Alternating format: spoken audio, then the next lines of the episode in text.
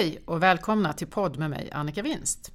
Idag ska samtalet handla om Nordeas nya konjunkturrapport och till min hjälp har jag med mig min kollega Torbjörn Isaksson. Välkommen Tobbe! Tack så mycket! Svensk ekonomi vädrar morgonluft och hushållen gör comeback. Eh, Nordeas bild är att vi är på väg ut ur en lågkonjunktur.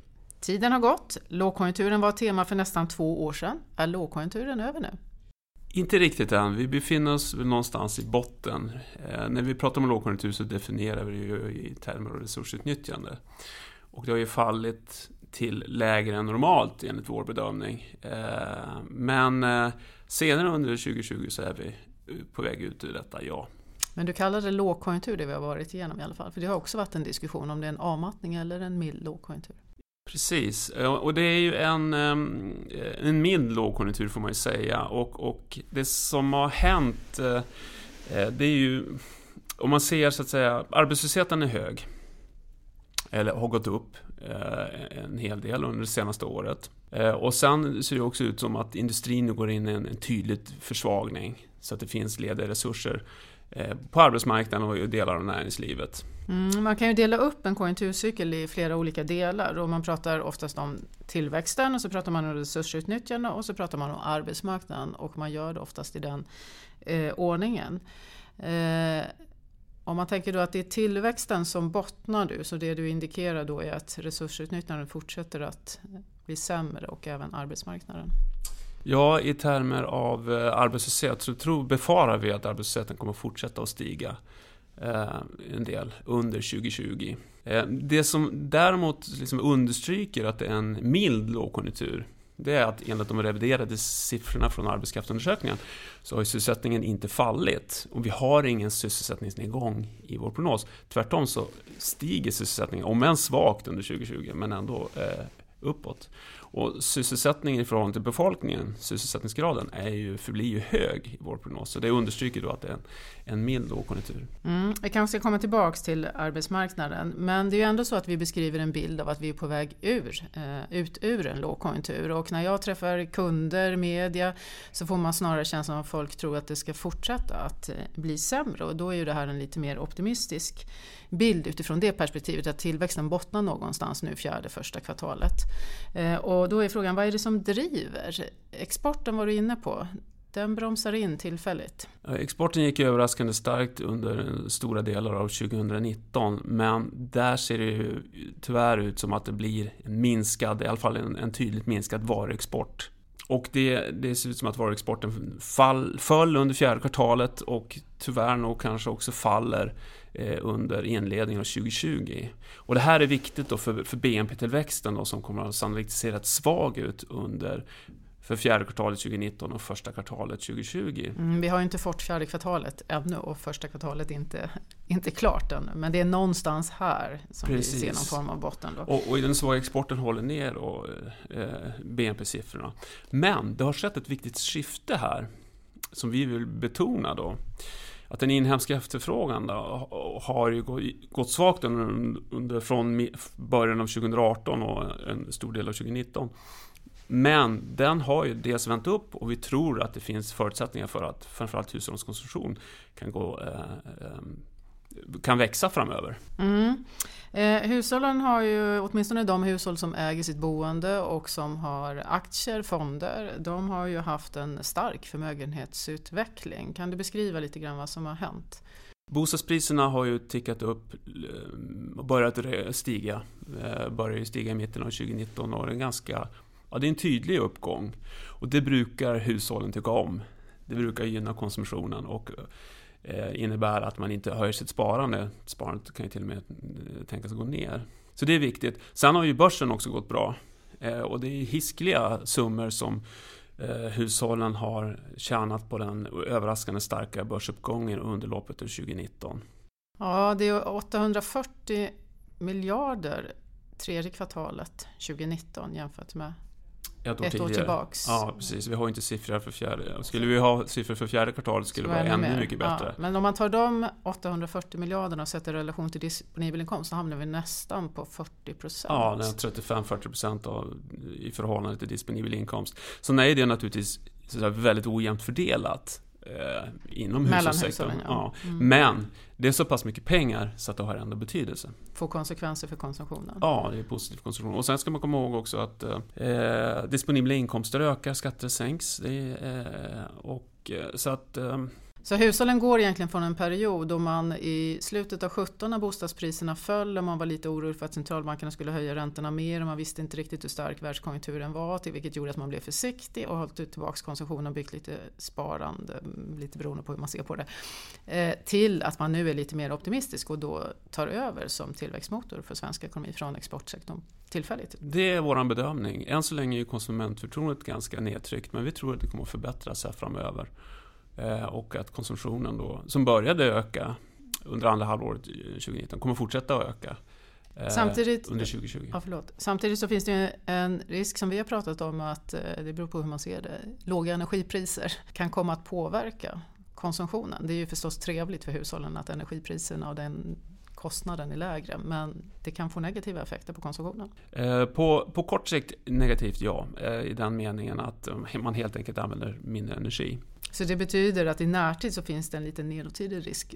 Men det har vi med i prognosen, vi tänker ändå att det blir bättre. Ja, precis. Vi, när vi pratar om hushållskonsumtion och förbättrade förutsättningar så pratar vi mer om den underliggande trenden. Sen händer det ju en massa tillfälligheter i det här. En tillfällighet är att eh, inregistrering av personbilar åkte rakt upp i taket under fjärde kvartalet därför att eh, inför förändrade skatter för fordon. Och en annan är som du är inne på då, energi eh, användningen då som, som den varma väder, ovanligt varma vädret då gör ju att energianvändningen och hushållens energianvändning, hushållens energikonsumtion kommer att vara låg vad man kan gissa då under första kvartalet i år och det kommer hålla ner siffrorna. Men, men den underliggande trenden för konsumtionen är bättre. Ja, det var det jag tänkte för lyssnarna här så att det inte blir eh, förvirrat när de här svaga siffrorna kommer ut. Så det ligger i prognosen. Det är inräknat att vi kan få lite svaga siffror på kort sikt. Det betyder ändå att vi är lite mer optimistiska vad gäller trenden. Ja, precis. Ja, Okej, okay. om då hushållen är mer optimistiska på grund av att eh, Riksbanken är, ligger still på nollan så det är klart att det har ju också betydelse för bostadsmarknaden. Räntan är ändå en väldigt viktig faktor för byggbolagen och fastighetsbolagen.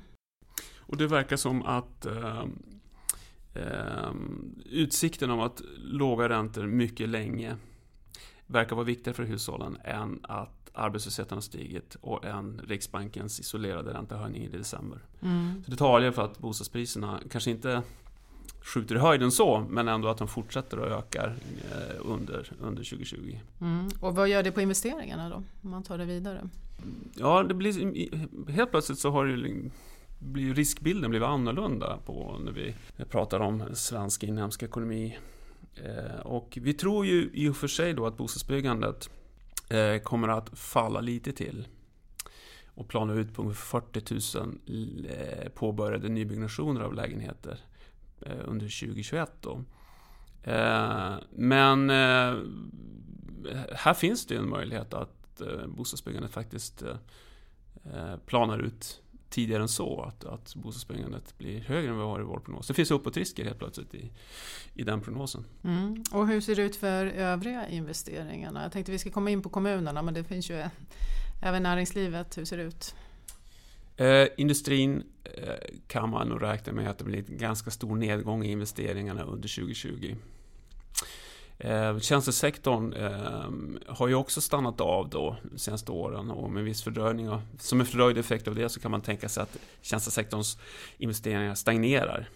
Eh, sen har vi offentlig sektor då som är positiv och, och framförallt kommunala investeringar som ökar snabbt. Mm. Kommunerna har ju fått eh, mer resurser och man har också en befolkningsutveckling som brukar tala för att offentlig konsumtion eh, blir ganska god. Så att eh, ska man liksom summera ihop de här delarna i BNP så är det hushållen och så är det då kommuner och offentlig sektor som bidrar medan exporten tillfälligt är lite svagare och kanske också investeringar man håller på att plana ut.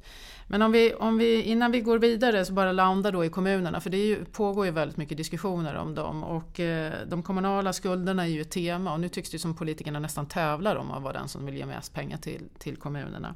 Eh, hur ser du på det? Eh, ett, behöver vi vara oroliga för, för kommunernas skulder? Eh, och är det rätt att stötta kommunerna som man nu gör? Det är ju en stor fråga och närmast en politisk fråga här. Men man kan väl ändå tänka sig att givet de stora åtaganden som kommunerna har så kan det väl vara rimligt att, att de får mer resurser och att man så att säga kan upprätthålla en hygglig kvalitet Eh, på så att säga, grundläggande samhällstjänster som, som, som allmänheten förväntar sig. Det är väl, det är väl rimligt. Eh, och givet att, att befolkningen, demografin och annat eh, och de utmaningarna så finns det ju ändå en risk att kommunernas skulder fortsätter att öka under kommande år trots att man får, tycks få mer pengar nu. Jag delar din bild av att jag tror att kommunerna behöver mer pengar och det, det, skapar någon form av signal ut i svenska samhället att man värnar välfärden som många människor tycks vara bekymrade över. Om svensk välfärd fortfarande är i världsklass så är det ändå så att eh, många upplever någon form av oro över den och därför kan det vara klokt. Däremot känner jag mig lite tveksam till det här tävlingsracet nästan om vem man ska bjuda över varandra. Det är ju också väldigt viktigt att kommunerna gör Eh, effektivisera rationalisering och jag tror också att vi kanske får se lite skattehöjningar under den kommande perioden. Men, men kommunerna kommer ju med stor sannolikhet åtminstone bidra till, till tillväxten. Okej, okay, du var inne på det lite innan, eh, resursutnyttjandet och vi sa ju då att tillväxten bottnar någonstans nu men resursutnyttjandet kan då försämras ytterligare något. Förklara, vad är skillnaden? Hur ska man tänka? Vad är skillnaden mellan tillväxt och resursutnyttjande och varför ligger det senare? Ja, eh, man kan väl säga att det helt enkelt eh, kan väl beskrivas som att det krävs en viss tillväxt i ekonomin. Eh, till exempel för att eh, eh resursutnyttjandet inte ska falla. Till exempel krävs normalt sett en ökad efterfrågan i den inhemska ekonomin för att upprätthålla sysselsättningen och att arbetslösheten inte ska stiga. Och just nu ser det ut som då att visserligen ökar sysselsättningen, men det är en svag ökning av sysselsättningen, vad vi kan se. Eh, och eh, eh, inflödet till arbetsmarknaden, givet att befolkningen ökar, är snabbare än så och därför stiger arbetslösheten. Så, och ja. Mm. Och det, det, betyder att vi kan få lite svagare siffror vad gäller resursutnyttjandet även framöver? Ja, precis. Och arbetsmarknaden eh, reagerar med en fördröjning på vad som händer med ekonomin. Så att Eh, Eh, och det såg man ju tydligt under 2018 eh, och 2019 då när den inhemska efterfrågan gått, gått svagt ett tag och så vidare. Eh, så att kan man tänka sig eh, att det dröjer ett tag innan, innan sysselsättningen ökar lite snabbare.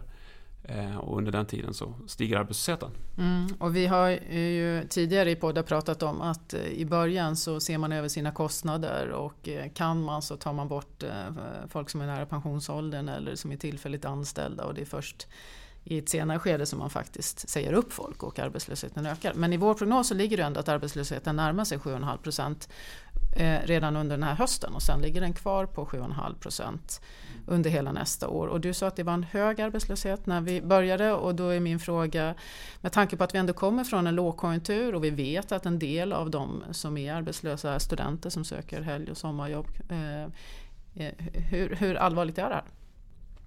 Eh, det, det, den största utmaningen är att, eh, att vissa grupper då och inte minst folk som är utrikesfödda har en svagare ställning och det tar längre tid för dem att få, eh, få jobb. Sen är det ju så att om man, eh, precis som du är inne på, dissekerar siffrorna så, så, så, kanske det ser mindre allvarligt ut. Så att säga, vad gäller, det handlar mycket om hur man definierar arbetslösheten. Man kan definiera arbetslösheten på väldigt många sätt. Eh, och eh, ganska små förändringar i vad gäller eh, Ehm, vad gäller ersättningar till, till studenter eller vad det nu kan vara skulle kunna göra att helt plötsligt så är arbetslösheten 2 procentenheter lägre eh, som det mäts då i statistiken och, och, i linje med Tyskland och annat. Så att man måste ju alltid gå bakom de här siffrorna som, som flyger runt i, i media och i våra konjunkturrapporter. Eh, så att säga, för att få en heltäckande bild. Detaljerna är ju väldigt viktiga. Och det gäller ju också till exempel, eh, som vi pratade om tidigare, BNP-tillväxten då, där vi förvisso har en ganska eh, mått, låg BNP-tillväxt för 2020 på 0,8% kalenderkorrigerat. Men bakom det så döljer sig, döljer sig en, en, en svaga, svag start på 2020. Mycket beroende på den dämpade export då. Medan underliggande trender, och inte minst då i inhemsk efterfrågan, ser bättre ut. Då. Eh, så att man måste titta mm. förbi de här eh, headline-siffrorna. Olika grupper har också olika fokus då. Om man tänker utifrån finansmarknadsperspektiv så tittar man ganska mycket på tillväxten och då är tidigt på bollen medan man kan tänka sig att om man tar eh, facken och eh, en del politiker som tittar mer på arbetslösheten och arbetsmarknaden och är bekymrade för utvecklingen där. Absolut, och sen är det också skillnader regionalt också. Mm. Och det återkommer vi till i vår regionala rapport den 18 februari. Absolut, bra att du sa det. För då kommer vi också göra mer fokus på kommunernas skulder. Men det kommer vi tillbaka till. kommer Susanne och jag ha en podd, jag tror att den redan är inbokad. Eh, men om vi går vidare då eh, och eh, lämnar själva BNP och funderar lite grann över inflationen och Riksbanken så enligt vår bedömning så når inte Riksbanken inflationsmålet men de sänker ändå inte räntan. Och då den första frågan blir då vad är det som håller tillbaka inflationen under innevarande år och vad är prognosen? Så om man pratar om mer underliggande inflation så styrs banan väldigt mycket av eh, kronans växelkurs ska jag säga. Det är det viktigaste. Sen har vi också en viss cykel i matpriserna som har varit ganska höga de senaste åren. Tittar man framåt då så Kronan har ju stabiliserats och det är också vår syn att kronan kommer att vara rätt stabil här under prognosperioden. Viss gradvis förstärkning. Och det innebär att den importerade inflationen bör komma ner och därmed faller den totala inflationen.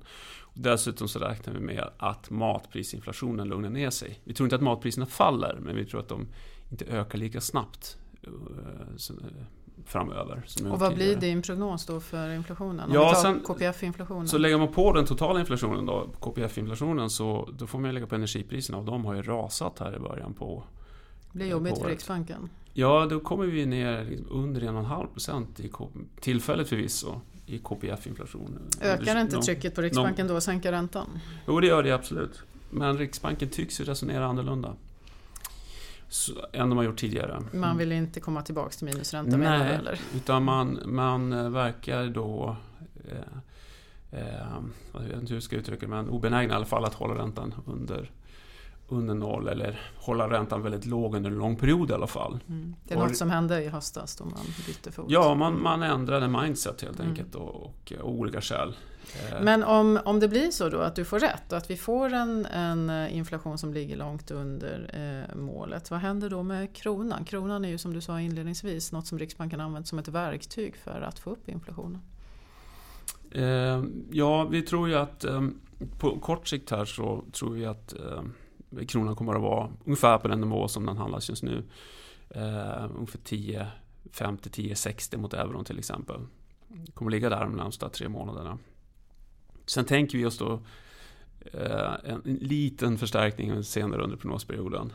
Eh, men att det går långsamt, det handlar ju om det här att vi ser inte Riksbanken kommer i alla fall inte ge något mer stöd till, till, eh, till kronan till exempel.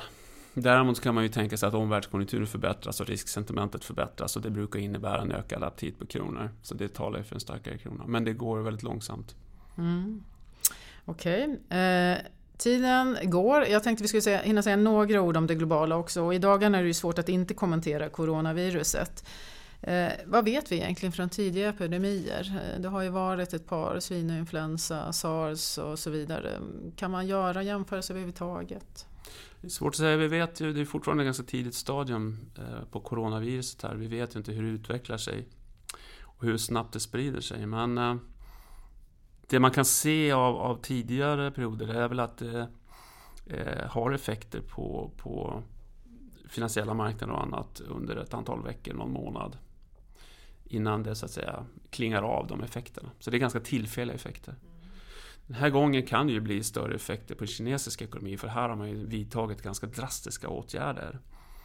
Eh, som kan nog synas i BNP-siffrorna för Kina på, på första kvartalet. Ja, bland annat har de ju valt att förlänga eh, nyårsfirandet som pågår nu med tre dagar. Eh, kommer det få BNP-effekter eller tar man tillbaks det längre fram under Ja, jag tror att man tar tillbaka rätt mycket på olika sätt. Eh, men det kan nog bli ett hack i kurvan faktiskt på första kvartalet. Inte något dramatiskt tror jag, men, men, men visst kan det bli det. Men det är i första hand Kina och kanske angränsande länder vi pratar om? Ja, det tror jag. Sen i övriga världen, vad man nu kan se nu, så ser det inte ut att bli, bli några, mm. borde inte bli några större effekter. Så. Nej, och det finns ju också många andra oroshärdar men på senare tid så har de hamnat lite mindre i fokus och även världskonjunkturen ser ut att endast eh, bli en mild nedgång och risken för recession i USA känns som den är mindre idag än vad den har varit eh, tidigare även om vår bedömning är att amerikansk ekonomi kommer bli något sämre innan den blir bättre. Eh, för euroområdet så är ju vår prognos att det bottnar ungefär nu. Eh, det finns fortfarande svaga signaler från Tyskland men det tycks inte bli eh, väldigt mycket sämre där ändå. Och Tyskland är ju viktigt för Sverige. Har du någon kommentar där? jag tror vi, det är nog fortfarande kännbart i närtid. Eh, det, det som händer, den här avmattningen, försvagningen som vi ser i, i euroområdet och inte minst Tyskland. Det kan till exempel ja, slå på fordonsindustrin och, och på andra delar. Eh, men eh, eftersom vi, har, vi tänker oss ändå en, eh, en ljusning från säg mitten av 2020 ändå som, som också kommer svenska exportörer till del och det kommer, bör innebära att vi faktiskt ser en återhämtning i exporten redan från andra halvåret 2020. Mm. Och förutom eh, tillväxten i omvärlden så är ju också valet i USA i fokus. Och i den här rapporten så skriver vi en temaartikel om konsekvenserna för ekonomi och finansmarknad av eh, valet. Jag tänker inte att vi ska ta upp den här men ni får väldigt gärna gå in och läsa den. Den ligger förstås på nätet tillsammans med allt det andra.